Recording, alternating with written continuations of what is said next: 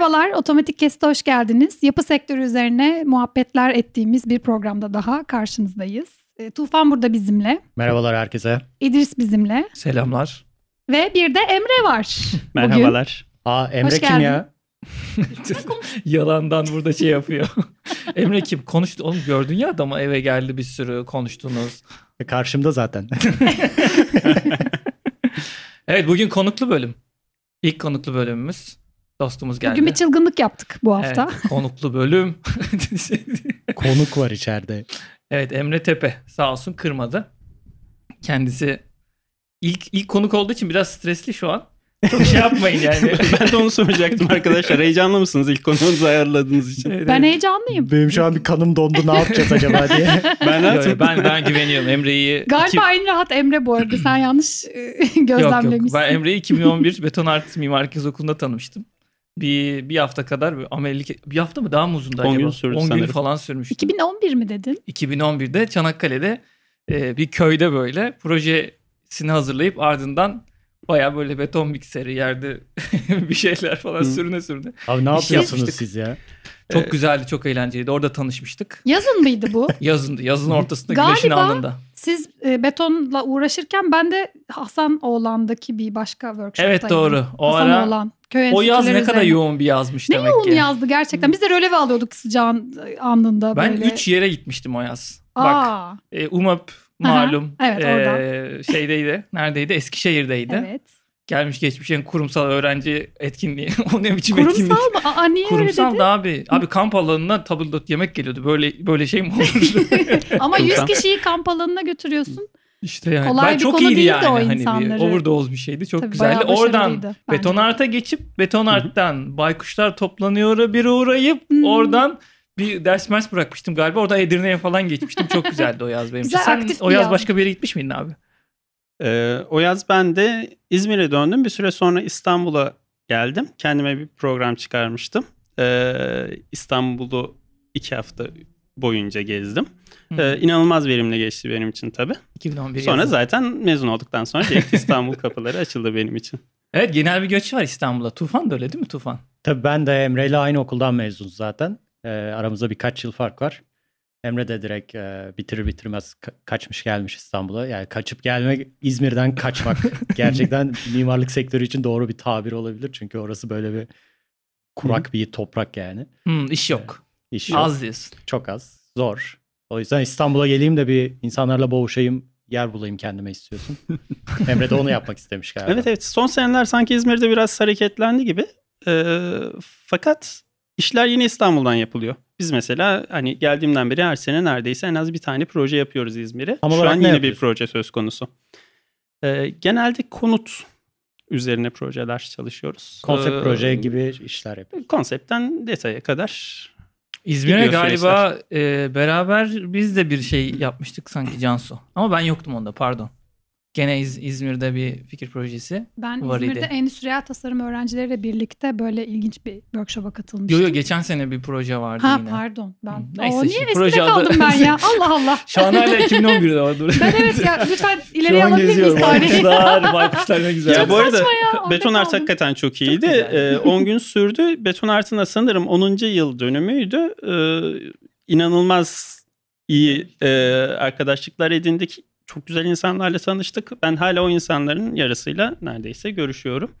Ee, kurumsal dedin o da çok kurumsaldı. Doğru, doğru, yani öyleydi. bizzat arkasında kocaman bir çimento fabrikası vardı e, sponsor olarak. Tabii ama zaten betonart şey yani bir dergi aynı zamanda. Banu Binat falan var.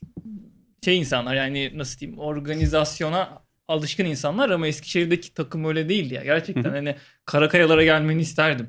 Şaşırıyorsun böyle yani. Arkadaşlarım hakikaten gerçekten ciddi Bir de yemek verdiler yani. Hani, UMÖP bilmiyorum UMÖP, UMÖP sürpriz konu olarak şu an açıldı. Ulusal Mimarlık Öğrencileri Buluşması.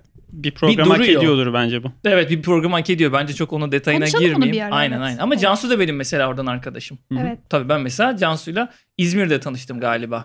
Ondan bir önceki UMÖP'te. Eskişehir'de tanıştık. Öyle mi? Sen İzmir'e gelmemiş miydin? Bence İzmir'e gel O- on- yok İzmir'e On gelmedim ben. buçukta mı neydi? Gelmedin. Ona gelmedim. O zaman Eskişehir'de bak. Hı O, hı. onunla tan- orada tanışmışız. Çok güzel bir şey öğrenci organizasyonları. Bence de. Herhangi bir öğrenci dinliyorsa bizi. Bence Evet. kesinlikle neresi varsa koşup gitmeli şey açısından iyi oluyor çünkü. Kendini eşitliyorsun yani. insanları görüyorsun orada ne yapıyor burada ne yapıyor diye. Neyse. Bu hafta gündem gene Bak podcast'e başladık başlayalı 6. yüzyıl yapılarıyla bir derdi var bizimkilerin. farkında, onun farkında mısınız abi? Gerçekten Ayasofya'dan öyle. sonra başka bir 6. yüzyıl yapısı. Hangisi? Sırada ne Galata var? Kulesi. Galata 500 Kulesi. yıllık Anam ya yapılarımız da bugün. üzücü. Gördünüz mü videoyu? Gördüm. Ya gördük videoyu tabii de yani ama ama o video bir şey oluyor böyle e, önce o duvarın kırılışını gösteriyor sonra da bir yukarıya doğru bakıyor ya. Evet. O yukarıya doğru bakınca ben dedim zaten pek de gerçeğe daha eski orijinaline dair pek bir şey kalmamış zaten herhalde diye bir düşündüm. Öyle mi bilmiyorum ama bilen Genel durumunun kötü varsa- olduğunu, restore edilmesi gerektiğine dair genel görüş var. Zaten kimse niye restore ediliyor demiyor. Ama yani- Süreçlerle ilgili galiba Evet, sıkıntılar Gene süreç var. proje olmadan inşaata başlamışlar. Emre Proje yok, müellif yok. yani Onay ben de yok. e, Mimarlar Odası'nın öyle bir açıklaması vardı. Herhangi bir onaylı bir proje ve müellif yok. Doğal olarak hesap soracak kimse yok. Müteahhit sadece verilen zaman çerçevesinde işi bitirmeye çalışıyor elindeki imkanlarla diyelim. Yani sanırım e, geceleri de çalışıyorlarmış. Hakikaten yangından mal kaçırır gibi hızlı bir şekilde e, çalışılıyor. Ama yani ne yaptıklarını falan bildiklerini çok zannetmiyorum, görmüyorum. Hep zaten bir takım uyarılardan sonra geri adımlar atılmaya başlanıyor böyle şeyler. İBB'nin değişmesinden sonra e, yani parti değişiminden sonra zaten Galata'nın e, bakanlığa devri, belediyeden bakanlığa devri tartışması olmuştu. O haberler bir dönmüştü. Hatırlarsınız belki. Sonra peşinde de işte restorasyon süreci Tabii başlamıştı. hemen ard arda oldu yani Hemen bu işler. hemen. Hemen, seçimler oldu. Ondan sonra çok Galata'yı hemen önemli bazı şeyler işte bakanlığa devredildi. Saraylar falan da var herhalde. Tabii tabii var. Birkaç Kaç tane, tane? daha konu var. Sonra bir baktık ki patır kütür de şeyle matkapla ne o aletin adı? Hilti. Hilti ile bam gün duvar kırıyorlar. Marka vermiyoruz değil mi? Yok ama Selpak gibi olmuş. Bu kırıcı aslında da darbeli Selpak kırıcı. Böyle Hilti'nin Yani. yapıştırıcısı falan da. Evet. Yoksa bu konuyu hiç açıklayamazdım. Evet evet. ya işte Darbeli matkap. önünde evet darbeli darbeli matkapla. Peki o duvar niye kırılıyormuş? Bilen var mı aramızda? Ya işte bir kelime öğrendik yeni. Muhtes Muhte- miydi? Muhtes. Evet. Muhtes. Evet. Muhtes diye bir kelime öğrendi şimdi herkes. Ne demek? Ya işte sonradan yapılan. E, Eklenti. senin orada yıkmaya niyetlendiğin parçası diyelim şimdi iyice biz de detayına girmeyelim. Projenin Herkes aslında uygun duruyor. olmayan sonradan eklenen parça. Ha, zaten Ama- sonradan sanırım. eklenmiş. O yüzden ben bunu kırmakta hak Deniyor görüyorum ama kendime. acaba öyle mi? Yo, yo, işte o bir alınacak şey kısım vardı. yani. Alınması normal kısım gibi onlar deklare ediyorlar. Ayasofya'nın minaresi de bu muhtes midir? Ya ben ona girecektim. Girmeyeyim diyorum çünkü restoratör değiliz. Mesela şey diyeyim Mimar Sinan'ın eklediği payandalar muhtes midir arkadaş falan gibi. Galiba öyle ama. Ama bilmediğimiz Yani şey konu. deniyor ben çünkü bunu ben- araştırmadım. Bence Okey tamam. Ben Bizi gene tokatlamasın. Ama restorasyon biraz şöyle bir şey. Yani hiçbir yerinde kesin doğrunun olmadığı bir Ha, kavram. evet. Hani bunu şeyden hatırlayın. Aspendos'a mutfak mermerleri e, yaptılar diye e, kıyameti kopardılar. E, Oysa ki genel kanı, uzman kanı Hı hı. oranın hakikaten o malzemeyle e, restore Aynen. edilmesinin doğru olduğu yönündeydi. eski tarihi yerleri de öyle yapıyorlar. Ya yani, yoksa aynısını yapmak kolay. Şey Aynen. var ya. yani bir de burada biz hani az çok restorasyon projesi dersi mersi aldık bir şeyler öğrendik ama Ahmet Turan Köksal'ın bir tane tweetinde görmüştüm. Orada e, hangi tiyatroyu da hatırlamıyorum. Restore etmişler. Özellikle yeni parçaları eskisinden fark edilsin diye de bir yöntem Öyle var bir ya. yaklaşım da var. O, evet. o da var. Bunu paylaşmış. Diyor ki baksanıza ne kadar kötü restore etmişler falan. Ahmet Ama Turan Köksal öyle. böyle sopalamış onu. Efes Cahillik Antik Kent. etmeyin. Cahillik etmeyin o doğru bir şey falan diye. Efes Antik Kenti öyle işte Parthenon mu neydi Atina'daki yer. Orada hep örnekleri var böyle. Beyaz beyaz anlıyorsun nereyi Evet, sonradan eklemiş, olanı. nereyi sonradan yapmış. İki mermer sütunun arasında betonarme bir parça var mesela. evet. Evet. Bence rahatsız edici de değil. Çok Ya normal. üzücü nokta şu aslında. Her ne kadar hız olursa olsun hızı ya e, Cüneyt Özdemir'e galiba İBB'den bir beyefendi bağlanmıştı. Hı hı. E, o, Mahir o, Polat. A- Yani Mahir Polat. O söylemişti. Yeni proje gelmiş. Yani şimdi bu sosyal medyada yayılıyor bu. Videolar paylaşılıyor. Sonra apar topar bir proje geliyor. O projede şu an işte kurula sunulmuş. Perşembe günü mü? Cuma tabii. Perşembe günü kurula su- sunulmuş. Yani dün gelmiş. Ya, Evvelsi gün gelmiş. Neyse buradan podcast'ı hangi gün kaydettiğimizi belli etmeyelim. Yani cumartesi. Zor olmasa gerek. Cevap veriyorum gibi oldu açıklıyorum. Evet bugünün iki gün öncesi Perşembe ise. ya tabii sosyal medyanın da gücü biraz. Bayağı yayıldı, güzel yayıldı. Keşke daha çok yayılabilse. Yani şöyle bir yaklaşım mı var Türkiye'de belki dünyanın başka ülkelerinde de var ama bir tarihi yapı en çok dış görüntüsüyle, silüetiyle insanların hafızasında yer ediyordur. İçerideki durumla ilgili çok da bir toplumun bilgisi yoktur, önem vermiyordur. O yüzden biz dışını böyle maket gibi tutalım. İçeride ne yaparsak yapalım havası var gibi sanki bu Galata'daki işlemde bana öyle geldi. Sanki bütün dış duvarları kırıp atalım. Biz istediğimiz gibi yeni plan düzeni, yeni kat yükseklikleri ayarlayalım, yapalım gibi bir hava Binayı tutuyorsak burada. sağlıklı bir şekilde ayakta duruyorsa bina gerisi önemli değildir. Sonuçta dışarıdan görüyorsun, diyorsun? fotoğraf edi- Yani çekiyorsun. o yabancı gelen bir şey değil zaten bakış açısı değil. Birçok binada makyaj olarak ön kısmı korunmuş. Arkada cam bina olabildiğine yükseliyor filan. Ama e, Galata'nın zaten içinin ne kadarının değiştiği, ne kadarının korunduğu konusunda benim de şüphelerim var. Çünkü sanırım 90'lara kadar içerisi hani bir nevi eğlence merkezi olarak Evet, evet. hani tabiri caizse pavyon şeyinde Evet, evet. filan İyi çalışan değil. bir yer. Ee, yani doğal olarak bir sürü müdahaleye açık bir konumda olmuş. İçinde yemek pişirilen bir yer aynı zamanda. Ya Ayasofya'ya çok fazla insanın girmesine bile tereddütle yaklaşırken Galatasaray'ın içerisinde bir eğlence merkezinin olması, dansöz oynatılması veya. Ee, biraz tabii şey e, zamanında az bir şey yapmamışız. Ya yaşaması göstergesi. binanın yaşaması bence güzel. Hani bir fonksiyona sahip olması o fonksiyonu devam ettirmesi ama tabii bayağı bilgin landmark yani bu bu çok çok daha önemli.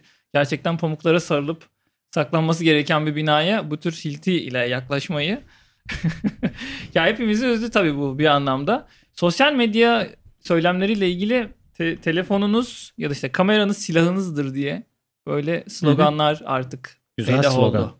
Doğru bence. Biliyor musunuz? Genel işte bir kadına şiddet gösteriliyor. Çekin diyorlar hani özellikle yoksa o yayılmıyor. Ya da bir yerde bir Kesinlikle. sıkıntı görüyorsanız çekin diyorlar. Böyle biraz Black Mirror bölümleri vardı ya hani lan güzel gibi ama nereye doğru gidiyor diye böyle düşünüyorum ama yani yararlarını görüyoruz hani bu şekilde Bu bir güç. Yani kesinlikle Evet, bu Çok bir... faydalı ya.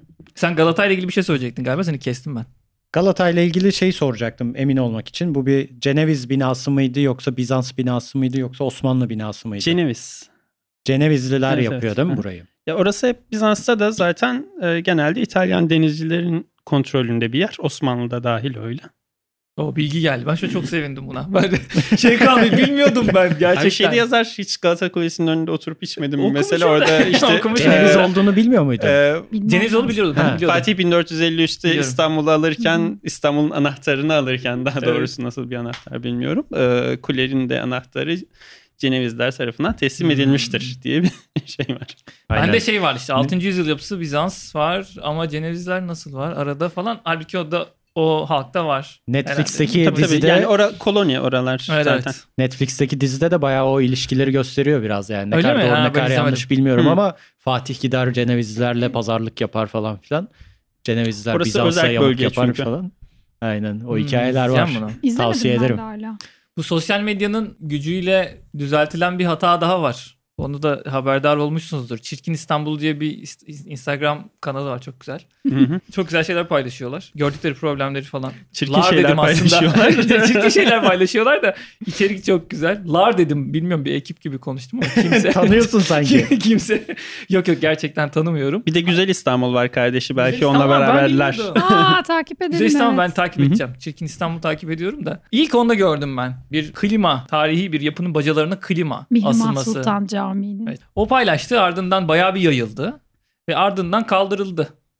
Bayağı gü- güzel bir şey bu. Yani Hemen aksiyon alındı gerçekten. şimdi diğer toplumun diğer bireyleri başka bir tarihi bacada klima görünce değil mi?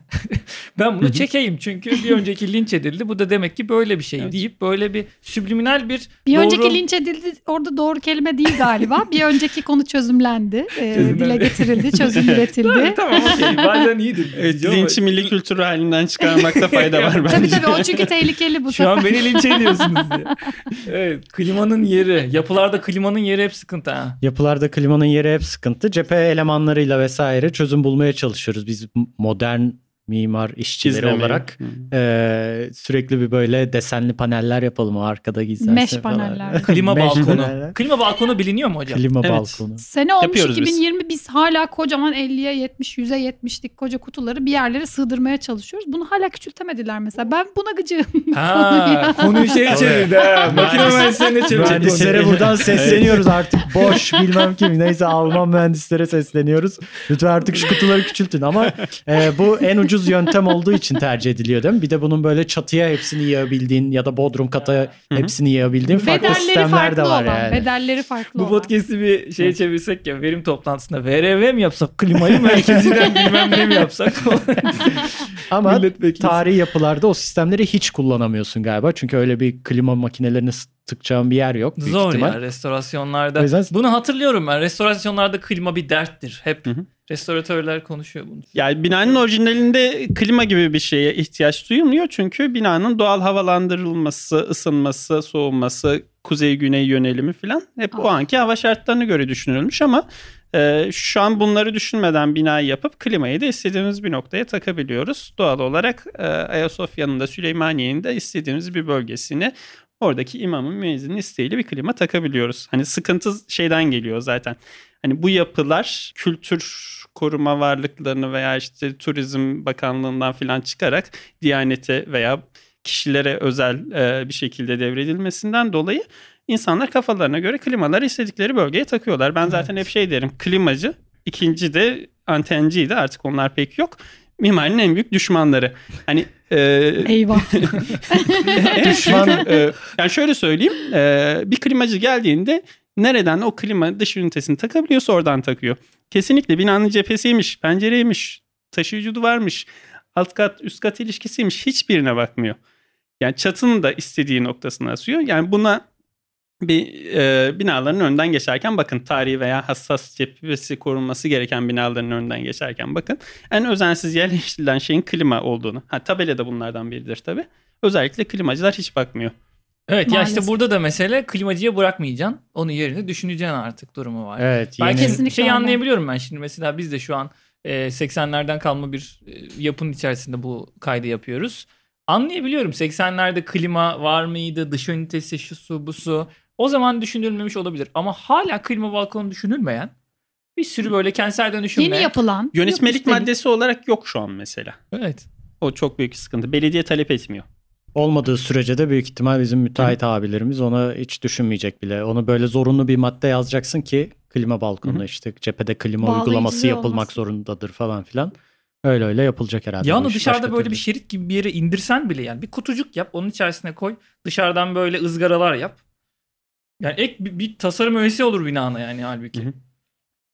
Yalnız ben geçenlerde çok güzel bir örnek gördüm. Size sonrasında göstermek isterim. Kırma çatılı bir bina. Çatı rengi antresit. Oradan çok güzel kübik bir antresit baca çıkıyor. Muhtemelen meş fotoğraftan öyle belli oluyor.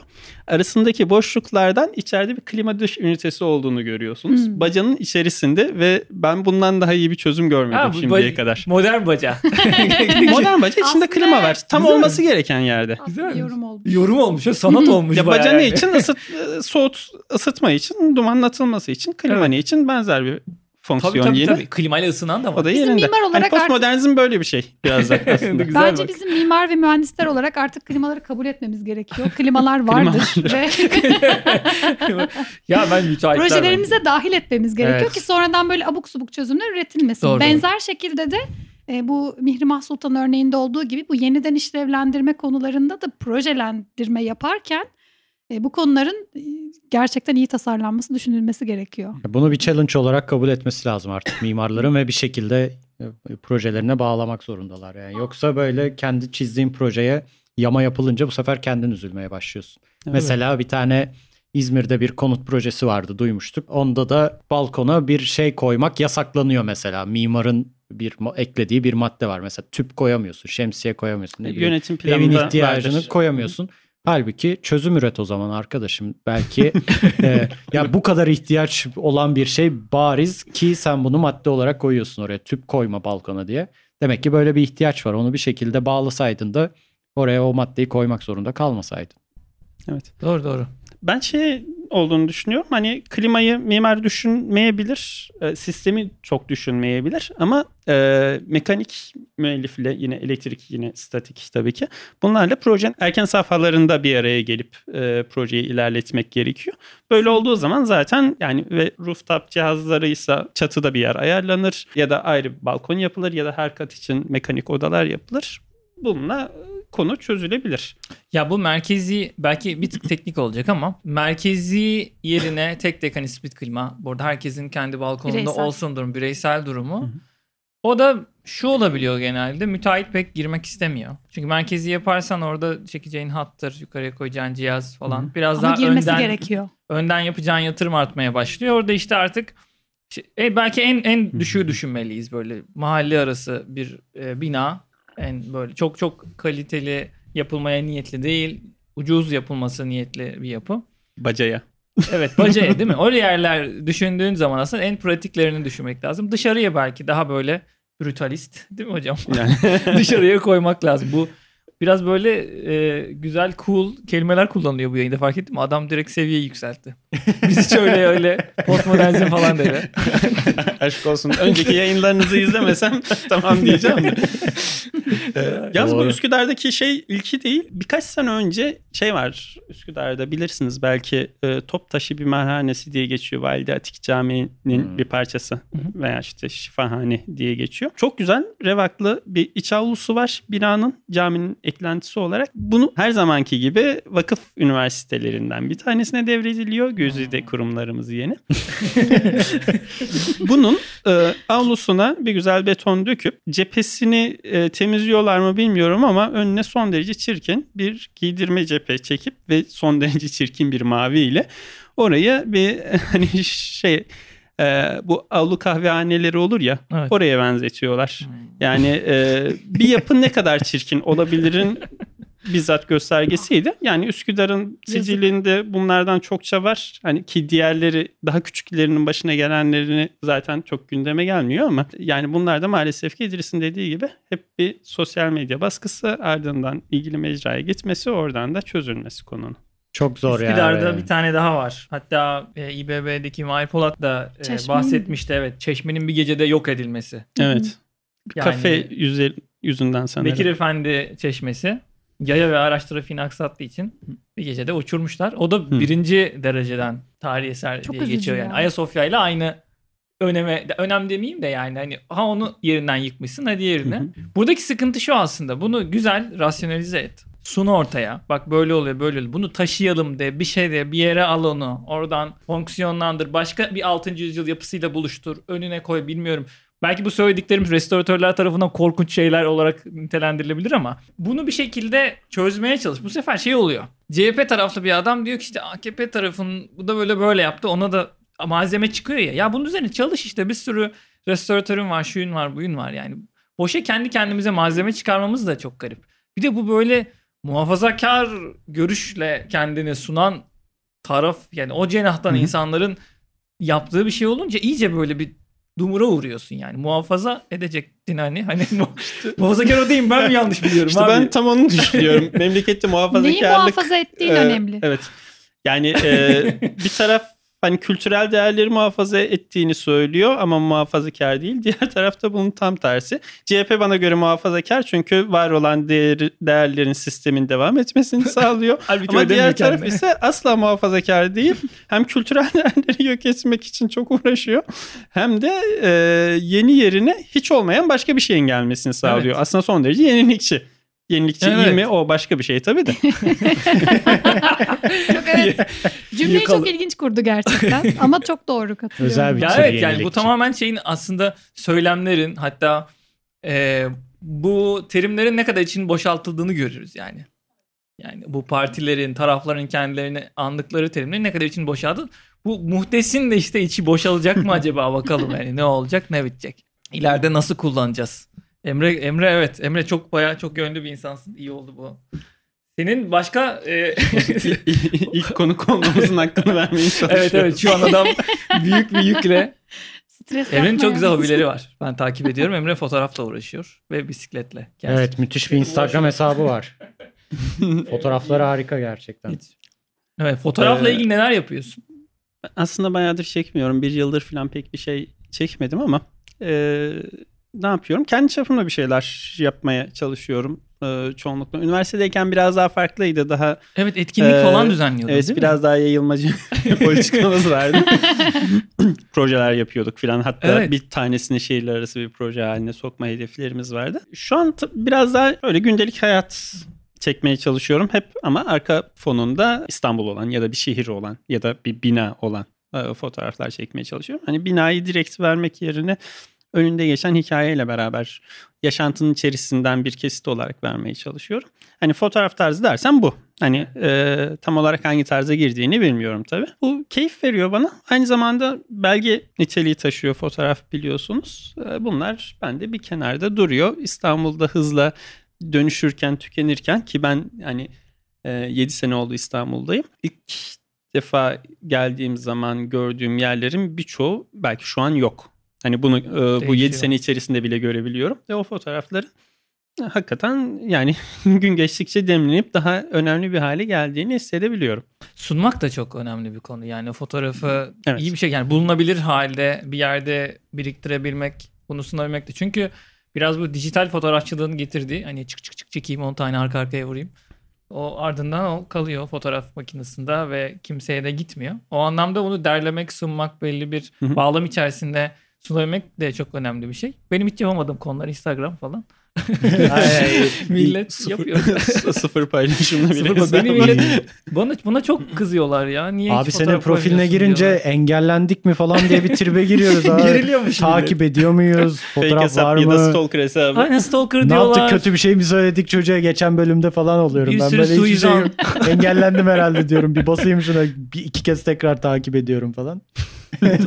Peki bu fotoğraf içinde şimdi teknoloji çok böyle nerelere geldi son 2-3 yılda? Fotoğraf makinesi, fotoğrafçılığı hala çok değerli bir şey mi yoksa iPhone'un işte ne bileyim ya da başka bir markanın çok iyi telefonunun ayarlarından yapmak da artık tatmin ediyor mu fotoğrafçıyı? Buradan Çok güzel Yok bence soru ben evet, evet, Ara çok- Güler'in belli açıklama. Hakikaten çok iyi, çok güzel bir soru. Yani e, sürekli çünkü artık daha az geliyor ama hep bir kamera alacağım ne alayım diye sorular gelir. Sonra ben de oturur araştırırım ya da bildiğim varsa oradan söylerim bütçeye göre onu al bunu al diye. Çok yorucu bir süreç. Canon mu. Nikon mu? Canon mu Nikon mu Eyvah. sorusu vardı. Neyse ki ondan kurtulduk artık. Biri battı Kurtuldun mu galiba. artık o bitti mi? Aynasızlar çıktı. Fuji, Sony Hmm. falan onlar e, Bir de bir bence tanesi çok daha iyi. bir tanesi battı. Kodak battı. E, olabilir. Canon mu battı? E, Biri yok oldu. onun. Kanon batmadı dur ya. Birinden biri battı gitti. Ba- batanlar bende yok. Kodak battı. Kodak Ee, o sorunun muhatabı değil. Yani bunlar Ha. soruluyor ama yani sıradan kendi e, keyfiniz, zevkiniz için fotoğraf çekecekseniz eğer hani e, iyi bir iPhone, iyi bir Huawei telefonla hakikaten çok iyi fotoğraflar çekebilirsiniz. Artık oldu yani değil sizi mi? engelleyen bir Bitti şey yok. artık o iş Hani yani. e, telefonlar e, 5 megapikselle çekerken bile iyi fotoğraf çekilebiliyordu. Çünkü hani bakan gözle beraber değerlendiriyorsunuz onu. Hani e, gün batımı fotoğrafları aldatmacadır. Çünkü doğru tonu yakalarsınız sadece. Geri kalan hiçbir şey orada önemli değildir. Renkler güzel geliyorsa güzeldir. Ama fotoğrafınıza bir olay anlatmak istiyorsanız artık o e, teknikten bağımsız olarak hangi kadrajı yakaladınız, nereye baktığınız önemli ya da o zaman nerede olduğunuz önemli. Gözle alakalı. O yüzden çok fazla kamera veya megapiksel fetişizmine düşmeden eğer hani doğa fotoğrafçılığı yapmıyorsanız, vahşi hayat fotoğrafçılığı yapmıyorsanız tabii ortalama bir teknolojiyle gayet çekebilirsiniz. Şey bence. yaşıyor mu peki? Ham fotoğrafçılık yaşıyor mu? Yani ben kameramdan ayarımı yaptım, çektim, tamam onu verdim. Şimdi ben çok iyi fotoğrafçı değilim ama biliyorum yani insanlar çekiyor. Üzerine Lightroom'dan onu atıyor, Photoshop'tan bunu atıyor, Instagram'da kaydırıyor, kaydırıyor, beğendiği rengi atıyor falan. Karşı mısın ya bunlara? Ee, hayır yöntem olarak söylüyorum. Ben de kullanıyorum tabii ki. Çünkü çok iyi fotoğraf çekemiyorum. Ama e, buna değer verilen bir zümre hala var mı? Ham fotoğraf çektim, paylaştım. Rengi çok iyi ayarladım, ışığı çok iyi yakaladım. Lightroom'a sokmadım bile. Hemen paylaştım ya da bastım sergime koydum. Bunu bunu ben biraz daha şey köpürteceğim. Bu bir budalalık mıdır hatta? Ben bunu Hayda. Ha, onu söyleyeceğim. O nasıl Ee? Şimdi şey dalın birbirinize diye burada. Hani kamera ne verdiyse o demek hakikaten bir maharet değil. Ee, aslında fotoğrafı tamamlayan şey ondan sonraki büyük değil ayarında manipülasyonlar.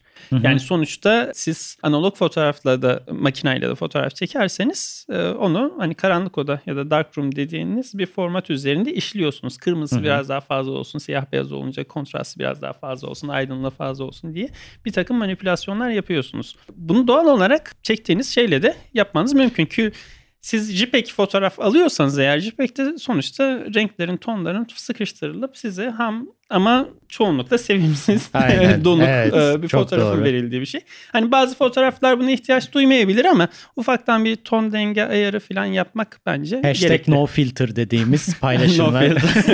no filter, Ya- needed. Bir de ben çok aydınlandım şu an. O, needed canım. bir de ben biraz önce çok aydınlandım. O karanlık odada yapılan işlemlere dair bilgim yoktu. Oradan Lightroom'un oraya bir gönderme olduğu isim olarak tabii. falan. Ha o muymuş? Bak ben şu an şu an tabii. Lightroom. Hani Aydınlık oda karanlık odadan geliyor. geldi şu an. Evet evet bana da geçerken uğradı o aydınlan. artık odamda ışık açık bilgisayardan yapabiliyorum hesabı. E, Konuya şöyle bakın hani iç mimar diyoruz ama yani biri de bize iç misin dış mısın diye soruyor. Evet. Hani sen iç mimar dersen diğeri de dış mimar var mı diye sorar. Aynen. Hani onun gibi bir şey. Lightroom varsa Darkroom vardır herhalde. Lightroom'cu musun. Darkroom'cu musun? Bundan sonra fotoğrafçılara bunu soruyoruz. Ya bu dijitalin ya da yeni Ama e, aslında aynı yerlere çıkıyormuş. Bunu da öğrenmiş olman lazım. Evet Tuğkancığım. evet doğru. O İç mimar dış bence. mimar gibi Aynı değil şey pek. değil yani. Yani teknoloji ne kadar mimarım. gelişse de hep bir öncekini alıp bir yerlere götürüyor. Sonuçta araba dediğimiz teknoloji de hani sonuçta at arabalarının değişip Tabii. bugüne gelmiş hali. Sedan doğru. dediğin şey kupe dediğin şey at arabası şey modeli aslında. Doğru. Tabii tabii da. tren rayların arası tren rayların arasındaki mesafe iki Mesela- at arabasının kuyruk iz düşümüdür falan Tamamen. filan diye söylenir malum. Ya da beygir gücü dediğin şey beygir gücü, beygir. bir atın makinesi Hepsi çevir, taşıma ve çevirme gücü. hepsi. Bir önceki şeye bir es eklesek mi? Ben düşünmek istiyorum. Ney? Bir daha söyle bakayım. İki at arabasının İki at- bir rayı. Ne? Ya, e, bir at arabasını süren iki tane atın kuyruklarının iz düşümü Evet. Raylar. rayların mesafesi. Tren rayının mesafesi. Hmm. Hadi oradan canım diye. İşte o Çünkü Albert Einstein'dı falan diye şey mi? Yani atların ayakları raydan arada gidiyor falan. Güzel. Ben aslında bu teknolojiye direnme konusuyla ilgili e, her yerde aynı şey olduğunu düşünüyorum. Yani bizde de var mesela. Abi o eskiz o kağıda sürtünecek falan biliyor musun? Ya da işte o kitap kokusu. Onu ben Biz Emre'yle bunu çok iyi biliriz. 3 yıl boyunca böyle kalemle yapmak zorundasın falan gibi bizde de şeyler. vardı. İki, iki, Vardı iki yıl tabii. öyleydi. Var Yani mıydı sizde de? ilk iki okullarında- sene. hı hı. Mimar okulunda kim mimar o okulları bence öyle. önemli. Öyle mi diyorsun? Evet. Bak, ekol. Bir şey katıyor ama. Bak şimdi o bak. kesin. Tabii, tabii. Ya kardeşim az önce Ama hani bir noktadan sonra da e, teknoloji ve günceli takip etmek zorundasın. Onun araçlarını iyi öğrenmek zorundasın. Onu da bilmen lazım. Yani Manuel'in kattığı şeyler var. O kesin. O çok doğru. Yani bu senin gelecekteki mimari gözünü etkiliyor gerçekten öyle. bence daha büyük genel bir mesaj var. Bak şunu demek istiyorum aslında. Hı hı. U- uzaktan bak konuya. Elle çizmenin yararı ne? Daha sonra elle çizmeye devam edebilmek, ölçek yani çizdiğim bir Kavramlar santimin oturuyor bir santim daha. olduğunu anlayabilmen şu bu bir sürü. Elle çizmek. Tutup da 10 bin metrekarelik hastane yapısını elle çiz. El çok önemli. Mü- müthiş şeyler. Hayır çok şey öğrenmeyeceğim. Onun çünkü asıl öğreneceğim tarafı benim orada benim eskizini ben yapıyor muyum? Elim onun Amacına ölçeğini doğru bilip- temelden oturtuyor muyum? Modelle çalışıyor muyum falan filan. Şimdi sadece bu ölçeği indirge. Bunu fotoğrafa yansıt. Sinemaya yansıt. Ona yansıt. Bunu yansıt. Hep aynı tartışma var. Yeni araç, daha kolaylaştıran araç ürünün niteliğini bozdu mu bozmadı mı? Önemli mi? Süreç, süreç tartışmaları. Aslında her yerde buna direnenler var. O yüzden aslında Hı hı. biraz fotoğrafta Ya o direnenler konumunu şey yapmak istemiyor çünkü bırakmak istemiyor kolay kolay Evet. Ee, ve paylaşmak istemiyor diğerleriyle yarışamayacak diye Evet. adapte olamazsa eğer. Yani e, orada öyle bir sıkıntı var. Tabii yani elle çizmenin onun dışında başka bir mantığı var. Yani 10 bin metrekareyi zaten elle kimseyi çizdirmezsiniz. Hani öyle bir şey yok herhalde. Böyle bir zaman Bilmiyorum. yok. artık. Zaman da yok zaten. Ee, fakat elle çizince hani deneme yanılma düşünme üzerinde e, veya el becerilerinin gelişmesi konusunda ciddi yol almak mümkün. Ya da atıyorum hani biz şimdi bir yerde oturuyoruz. Ben potansiyel bir yatırımcıyım. Sen mimar, mimarsın. Hı hı. Konuşuyoruz. Böyle bir arazim var. Bir şeyler yapmayı yapmak istiyorum. Sen de alıp peçeteyi bana anında bir şeyler çiziyor. Filmlerde evet. olur ya mesela. Evet. hani elle çizim tecrübesi olmamış birisinin bunu yapması pek tabii mümkün tabii değil yok. mesela. Elle çizemek çok Ya biraz çok abartarak söyledim tabii de. Müthiş bir güç. Bak Hı hı. elle bir şey çizmek müthiş bir güç. Bunu ben gözlerimle şeyde gördüm. 69 yaşındaydı o sırada çalıştığımız bir konsept mimarı. Yine X Holding'in bilmem ne işi paralı bir abimiz. Çok çok paralı. Türkiye'nin en paralı abilerinden biri. Ee, Amerika'dan bir mimarı getirtmiş. Başka Singapur'daki binasını görmüş. Ve bir workshop sırasında biz de devam ettireceğiz yapıyı. Ve adam eliyle o kadar güzel çiziyor ki. Bu arada adam yani 80 80'lerde galiba 70-80'lerde renderci adam. Ama elle render yapıyor anladın mı? Olayı o. Oradan bir de şey değil. Okullu, mektepli değil. Alaylı. Alaylı adam. Oradan gelmiş. Hayran oluyordu millet yani. Ben o kadar çizebileni de görmemiştim bu arada. Hani Abi- bir yandan hemen boyayayım. Karikatür karikatüriste şey olursun ya. birkaç. Sen de hatta Evet. vardın. Adam rendercıymış abi. Abi zahmet evet. çizsin ya. Profesyonelmiş bir de yani. Hani O sırada sen tartışıyorsun orayı şöyle mi çevirsek burayı böyle mi kıvırsak Kıbrıs'ı da kıvırıyor. böyle gösteriyor süper iyi. diyorsun. Bu yani. real time renderer deniyor ya. Tam Evet. öyle bir şey. Evet evet işte dönüyor. render. Onun bir benzeri şeyler vardır ya Amerikan e, mahkeme salonlarında hemen böyle bir eski. Ha, Gerçi evet. Türkiye'de falan da var da Hı hı. e, dizilerde filmlerde görürsün. Hemen bir anda o yüz ifadesini çiziverir adamın. Yok artık. adam olmaz. Evet. Şey de vardı. Rıza Saras davasında içeri adam almıyorlardı. Hı hı. Oradan böyle şeyler. Çiziyor adam hemen iki, üç eskizler, dakika içinde çizmek zorunda. görüyordun O, yani. o da evet sanırım içeriye fotoğrafçı, gazeteci alınmamasıyla alakalı. Hala devam ediyor. Yani işte. öyle çizgi roman tadında. Teknoloji tabii değiştiriyor her şeyi Hı hı. değiştiriyor. Ben şeye değinmek istiyorum şimdi biraz. Senin bisiklet maceran var bir de. Ona da biraz değinmek Ha, istiyorum evet. ben. Don Quixote. Ee, biraz bahset bence ondan. Evet şöyle İzmir'deyken ben başlamıştım bisikleti. Yani bir biraz hobi olarak başladı aslında. Sonra İstanbul'a gelince bisikletimi de getirdim. Bir ulaşım aracına dönüşmeye başladı bende. Ofise giderken bisikletle gidip gelmeye başladım. Kullanabiliyorsun Ee, yani İstanbul'da. tabii tabii Yani kullanabiliyorum. kullanabildiğin bir güzergahtasın diyeyim. Şu an buraya doğrusu. gelince de bisikletle geldim. Ee, zaten hani e, çok değil. Yine Kadıköy'den Fener yolundan geldim buraya. Gayet pratik. Kimseye temas etmeden, herhangi bir araca binmeden açık havada gelmek son derece mümkün. Tabii şey konusunda haklısın. İstanbul'da kullanıp kullanamamak konusu. Bu caddeye göre de değişiyor bazen ama e, birçok insan yani sokağa bile bisikletle falan inmeye korkuyor. Sadece sahile inmeye çalışıyor. Yani o da e, tabii trafikteki özellikle azgın minibüs ve taksi şoförlerinden kaynaklı Ah. olduğunu düşünüyorum. Hani orada saygı ile ilgili bir e, sıkıntı var. E, Maalesef. Tam bu arada hani İdris'in şey Don Quixote olarak konu Evet, açtı. Ona değinmek var. istiyorum. Yani İçinde biz o bulunduğu. bisiklet kolektifini 2014 senesinde kurduk. Yine Kadıköy'de bir grup bisiklet çerçevesinde etrafında toparlanmış e, arkadaşlar olarak diyelim. Bir Don Quixote evi vardı Kadıköy'de. Evet, evet. Onunla bağlantılı mı Onunla acaba? bağlantılı. Aa, bilmiyordum. Evet. Hmm. Don Quixote kapanırken sosyal merkez ya da işgal evi kapanırken biz oradan bu adı kopardık diyelim. Anladım. ve devam bilmiyordum. ettiriyoruz bir şekilde. yani orada e, bisikletin hakikaten trafikte bir araç olduğunu, ulaşım aracı olduğunu göstermek, bisikletlilerin de haklarının olduğunu göstermek ve onun dışında bir takım sosyal, çevresel, ekonom, ekonomik değil, ekolojik e, bir takım mesajları da vermek için bisikleti orada bir araç olarak kullanıyoruz. Yani aktivist bir bisiklet topluluğuyuz aslında. Ya şu Ee, ara bu- Avrupa'da critical mass olarak çokça e, her şehirde ayrı ayrı var olan e, Türkiye'de de var tabii. E, bir yandan onlar gibi hareket eden bir bisiklet aktivist grubuyuz. Ee, şey yapıyor musunuz? Mesela İstanbul'da ya tabii bu sizin bire- bireysel sorunuz değil. Ya bu, bu size kalmamalı tabii. Çok özür dileyerek soruyorum. Yol yapıyor ama- musunuz? Bisiklet yolu. Var mı abi boyu musunuz yani? O değil de yani. ee, içinde bulunduğunuz yerel yönetimlerle ilgili ya da biri gelip size soruyor mu ya da o tür bir bir şey oldu mu? Ha, Mesela, mesela İBB'den. şey İBB Evet. pop-up e, bisiklet Yolu. yolları yapıyor bu ara. Sizinle Evet. bir ilişkileri var mı bu arada?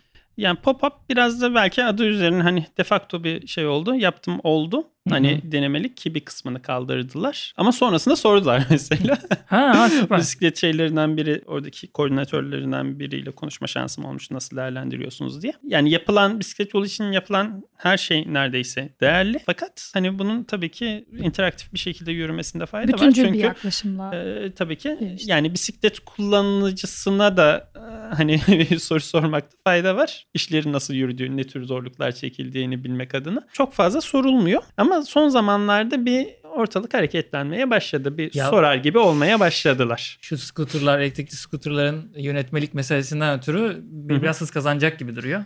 Çünkü Kazanacak. bir bir sermaye, bir para var ya şimdi orada. Vergi alacaklar oradan. Vergi çünkü alacaklar. artık. Ona hemen şimdi üzerine düşerler herhalde. Biz bu parayla yol yapalım diye. Biz onu yola yaparız hatta diye. Ya o Martı scooter'ı, Martı scooter'ları kullanıyor musunuz? Kullandınız mı hiç? Ben hiç kullanmadım. Hiç kullanmadım çünkü Çünkü kendi motorum var diyorsun. ben, ben zaten iki teker. ben kullandım birkaç sefer. Kullandın mı sen? Evet evet. Ya, akaretler yokuşunu çıkarken özellikle işe yarıyor baya. Ben kullanmadım ya. Yavaş giden iki tekerli araçlarla ilgili biraz problemim var biliyorsunuz. Ya hasbam, hasbam Vespa kullanmıyor gibi konuşuyor bana burada. Dengeyle ilgili bazı sıkıntılarım var. Hocam hızlı laf- gidip beni güvende Ha, hissettirmesi dur ben hava lazım. atıyor de laf zannettim. Ben de çok ters anladım ya. Hava Yok atıyor ben zaten. bir, bir biliyorsunuz köprü diye, geçti diye havalandı falan diyecektim ben biliyorsunuz diye söyledim ben. Yok, Yavaş giden iki tekerli biraz. araçlar beni biraz tedirgin ediyor. Ama Denge yavaş gidince hakikaten düşme problemi var. Haklı Tuğman. Tufan kontrollü bir arkadaşımız. Biz üçümüz de motor kullanıyoruz. evet öyleymiş. Evet. Ben bugün kızgın bir motorcuyum. Evet. Kızgınım bugün. Ben Ne de oldu, bir şey korkak bir motorcuyum. Yani manetimin topuzu yok diye ağır hasarlı görünüp muayeneden geçemedim. Aa öyle mi? Manetimin, Manetimin topuzu yok ya. Motosiklette manetin topuzu ağır hasar mıymış ya? Ağır hasarmış. Bunu da öğrenin. Yani bilin. Burası neresi ya? Ben evet. üzgünüm bugün. Şu an aydınlandı podcast dinleyicilerimiz. Manita'nın nesi yokmuş? Manita değil ama. Manitimin manet manet. O freni sıktığın zımbırtı var ya bisiklette de vardır. Onun Evet. ucuna böyle topuz koyarlar. Niye koyarlar? Elin kayıp gitmesin diye mi? Evet. Galiba. Ee, Bildim. O yüzden. Ama ben en son bir kazamda galiba. Manet aynı zamanda cam tutucusu. Öyle mi? Mimari cephe sisteminde. Ha. Ya Tutucu. ş- şöyle ben mesela scooterları hiç kullanmadım ama çok tehlikeli kullanılmasından ötürü bir toplum tarafında özellikle işte kaldırımdan da çok hızlı gidiyorlar Hı hı. e, diye şikayetler vardı. Bir yandan destekliyordum. Aa, çok güzel böyle bir hareketin olması. Hani insanlar bir yandan e, aslında öyle çok büyük arabalar, motosikletler, motorlar, otobüslere ihtiyaç duymadan da bir yerden bir yere gidilebiliyormuş. Şu ya da kısa anlatır. mesafeli taksiden kurtarıyor. Evet yani bir yandan da şeyi kırıyor. Düşünceyi de kırıyor. Ben motosiklette ilk Çekmeköy'den Beyoğlu'na gidince dünyam değişmişti benim yani. Aa 25 dakikada gidiliyormuş olmuştu sabah trafiğinde yani. Öyle değilmiş diyordum yani. O açıdan bunlar bence düzeltecektir. Düşüncem e, benim o iyi oldu. Martı Scooter'ın gözlerini gördün mü Cansu? Ben çok korktum. Kendisi çok Martı uzun süre Scooter'ın izleyip gözleri dedim. CEO'sunu. şöyle yaptım. CEO'sunu Gözleri- Elf gözlerin neler o artık görüyor. Gözleri gibi bir şey CEO. oldu. Şöyle. Korkmuş adam. bir podcast yayını var aslında sanırım orada ya da YouTube kanalı yayını pardon çok Evet, özür olabilir. dilerim. İşte onu izlemeye çalıştım bir süre sonra hani telefonu şey yapıp böyle uzak bir yere koyup sadece dinlemeye karar verdim yani o konuşmayı. Ama o konuşması da rahatsız edici. Devlet boşa kuzgun Yani meşe evet falan yine demiş. de kaçamadım Hmm. evet. Yanlış Devletçi kullanmış olmuş, bir şey şeyler olmuş. olmuş. Korkmuş Yani- sanki. ha. Hayatta Biraz. kalmak için biraz bir refleks göstermiş gibi. Öyle. E, ama girişim doğru. yapmak kolay değil tabii. Yani girişimi bir anda yok olma tehlikesiyle karşı karşıya kalınca Ama işte abi hedef kitlesi ha? Hedef hedef bunu destekleyen adamların hiçbiri devlet boşa yani yeni nesil meşe girişimciler biraz daha... Yaklaşım Oo çok bir acayip şey değil ya. mi? E tabii, öyle mi? Yani. Ya da şey biz devlete ve millete hizmet için buradayız filan lafları da bir girişimci için yani para kazanmak için orada olan birisinin böyle hamaset şeylerde Evet bulunması hamaset. e, Öyle ciddi öyle. bir sıkıntı. Hamaset aynen. Yani siya- ben yeni nesil girişimcilerin biraz daha cesur daha en azından aydınlık kişiler olduğunu falan düşünürdüm ama orada tamamen çakılı bu Ya bir düşünce. şey var bence. Taksicilerde baya bir lobi var ya. İnanılmaz lobi var. İnanılmaz. Yani bir, bir çekinip lobisi o olmasın. lobi değil ya o artık başka bir kelime şey de. olayım hani beni Evet. beni ezmesinler düşüncesi olabilir. Belki gayri ihtiyari diyemeyeceğim kadar çok belirli bir mimik e, yapısı var ama Hı hı. Neyse yani ve lazım. İki teker güzel bir şey buradan biz korkmayın abi. Oluyor Evet. vallahi gidiliyor. Ama kaldırımda da gitmeyin demek Ha, istiyorum olur, ben. doğru. Marsalar içinde, Lütfen. bisikletler içinde. Çok Çünkü yayayı tedirgin etmek çok riskli bir şey. Hani İstanbul'da Kadıköy'de özellikle Halis Ağa Caddesi'nden falan yürürken sürekli sağa sola bakmak zorunda kalıyorum. Aa, Motor var mı, üzücü. bisiklet var mı diye. Bu arada Ee, Mansur Yavaş'ı hı tebrik edelim. İlk şeyi açmışlar. İlk Ankara parkuru. Büyükşehir Belediyesi. evet, tebrik bir ederim. etap bisiklet yolu Bir etap açmışlar. bisiklet yolu açmışlar. 5 Ee, kilometre yani mi? Ne kadar? Bilmiyorum kaç kilometre ise kaç kilometre. Sanırım- Yapsınlar abi. sanırım- 5 kilometreydi. Ya bu tarz sessiz araçların bir özel bir şeride ihtiyacı var hakikaten. İnsanı çok tedirgin ediyor yayayken yani. Çünkü ben kulaklığımı takıp yürüyüş yapmak isteyebiliyorum. Sonra bir anda bam martı belirebiliyor önümde. Motoru biraz duyabiliyorum. Motor sesi okey ya. Yani çok çirkin motorun da kaldırımdan gitmesi berbat bir şey ama Hı hı. onu biraz duyabiliyorum. Ama bisiklet ve martıyı, scooter'ı kaldırımda bir anda karşıma çıkması benim ödümü kopartıyor. Abi ben müziğimi takmışım masum masum bir yere gidiyorum. Beni niye korkutuyorsun yani? Tabii. Onlara bir şerit açabilmek kentsel anlamda şehir plancılarının büyük bir problemi şu an var olup yerleşmiş şehirlerde bunu yapmak. Evet. Ama lazım. Yani bir de zil çalıp falan Hani önümden çekil demeleri de sıkıntılı. Hani sen çekil ben geçeceğim demek oluyor. Maalesef Burada yükselmek zorunda kalıyorsun. Kimsenin yani. değil o yol Yaya sen çünkü. çekil ben geçeceğim falan demek hakikaten ciddi bir sıkıntı. İnanılmaz. Güzel bölüm oluyor ha. Oldu hatta. Evet yavaştan bölümümüzü artık kapatalım diyoruz. Bu hafta Emre bizimleydi. Evet konuklu bölümümüz. Teşekkürler Konuklu bölümümüzdü. arkadaşlar. Geldiğin için çok teşekkür Biz ederiz. teşekkür Güzel ederiz. bir bölüm oldu bizim için de. Ee, bizleri Instagram hesabımızdan, Twitter'dan takip edebilirsiniz. Ee, Spotify ve Bilumum podcast kanallarından e, yayınlarımızı, bölümlerimizi dinleyebilirsiniz. Otomatikkestet.gmail.com'a da e, görüşlerinizi gönderebilirsiniz, bizimle paylaşabilirsiniz. Bunu aynı zamanda YouTube kanalımız ya da Twitter üzerinden de, sosyal medya hesaplarımız üzerinden de yapabilirsiniz. Görüşmek üzere. Kendinize iyi bakın. Görüşürüz. Görüşürüz. Bay bay. Hoşçakalın. Hoşçakalın. Tamam geçmiş olsun. Bölüm bitti. Olay budur abi. İstiyorsanız bir bölüm daha çekelim.